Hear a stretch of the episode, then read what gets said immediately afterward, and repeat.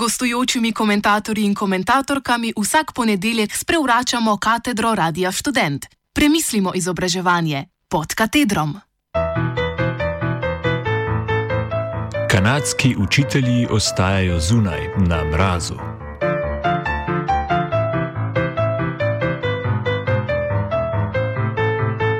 Prejšnji petek, 3. januarja, je Federacija srednješolskih učiteljev Ontarija napovedala enodnevno stanko, stavko za to sredo 8. januarja. Gre za še eno stavko v več mesecev trajajočih in zaenkrat neuspešnih pogajanjih z vlado kanadske province Ontarijo, ki jo omenjeni sindikat izpostavlja kot nenaklonjeno javnemu in dostopnemu vzgojno-izobraževalnemu sistemu.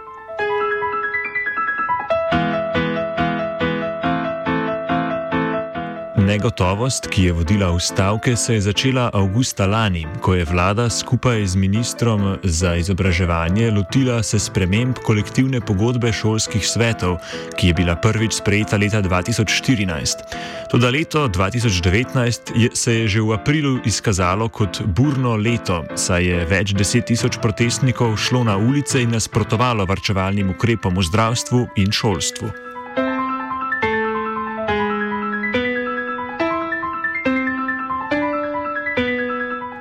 Nasproti varčevanju pri javno financiranemu šolskemu sistemu se je tokrat postavilo več sindikatov in sicer Federacija osnovnošolskih učiteljev Ontarija, Društvo angliško govorečih katoliških učiteljev Ontarija in Federacija srednješolskih učiteljev Ontarija.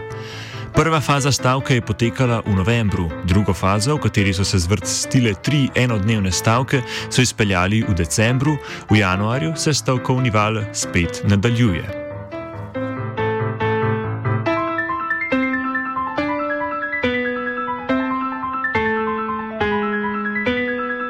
Predsednik omenjenega sindikata Harvey Bischoff je za javnost pojasnil, kaj je izvalo stavko. Citiramo: Po dobrih osmih mesecih pogajanj se minister za izobraževanje še vedno zauzema za izvrševanje programa Daga Forda, ki bi povečal velikost razredov, uvedel obvezno učenje prek spleta in nadaljeval z manjševanjem nabora ključne podpore in storitev za najranljivejše učence, ki jim tako zagotavljamo enake možnosti.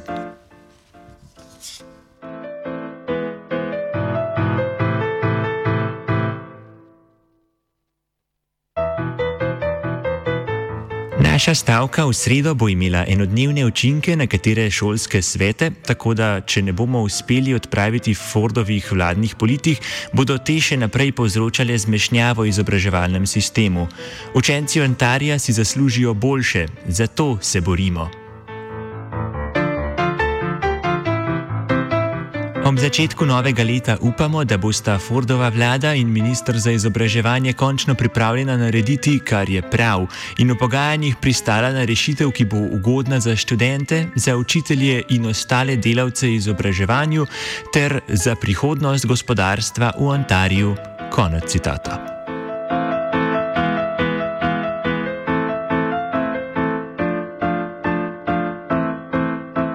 Zagovorniki varčevalnih ukrepov sindikate obtožujejo, da se borijo zgolj za svoje, že tako po njihovem visoke plače. Učitelji odgovarjajo, da je njihova glavna skrb kakovost izobrazbe za učence. Zato kot glavni slogan vzklikajo Cuts hurt kids oziroma varčevanje škoduje otrokom.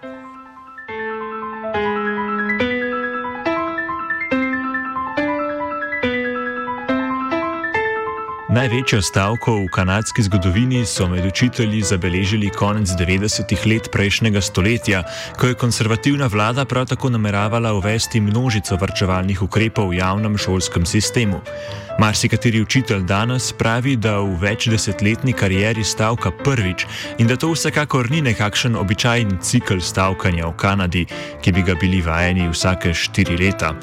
Bivši predsednik sindikatov, bivši predsedniki sindikatov, ki so bili udeleženi v stavkah konec 90-ih, so o sedanjih varčevalnih ukrepih povedali, da so srhljivo podobni tistim izpred 20 let.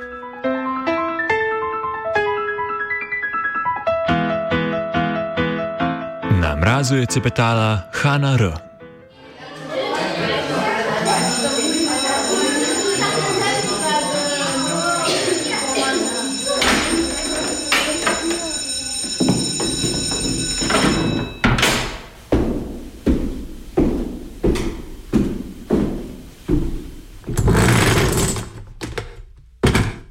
gostujočimi komentatorji in komentatorkami vsak ponedeljek sprevračamo katedro Radia Student. Premislimo izobraževanje pod katedrom.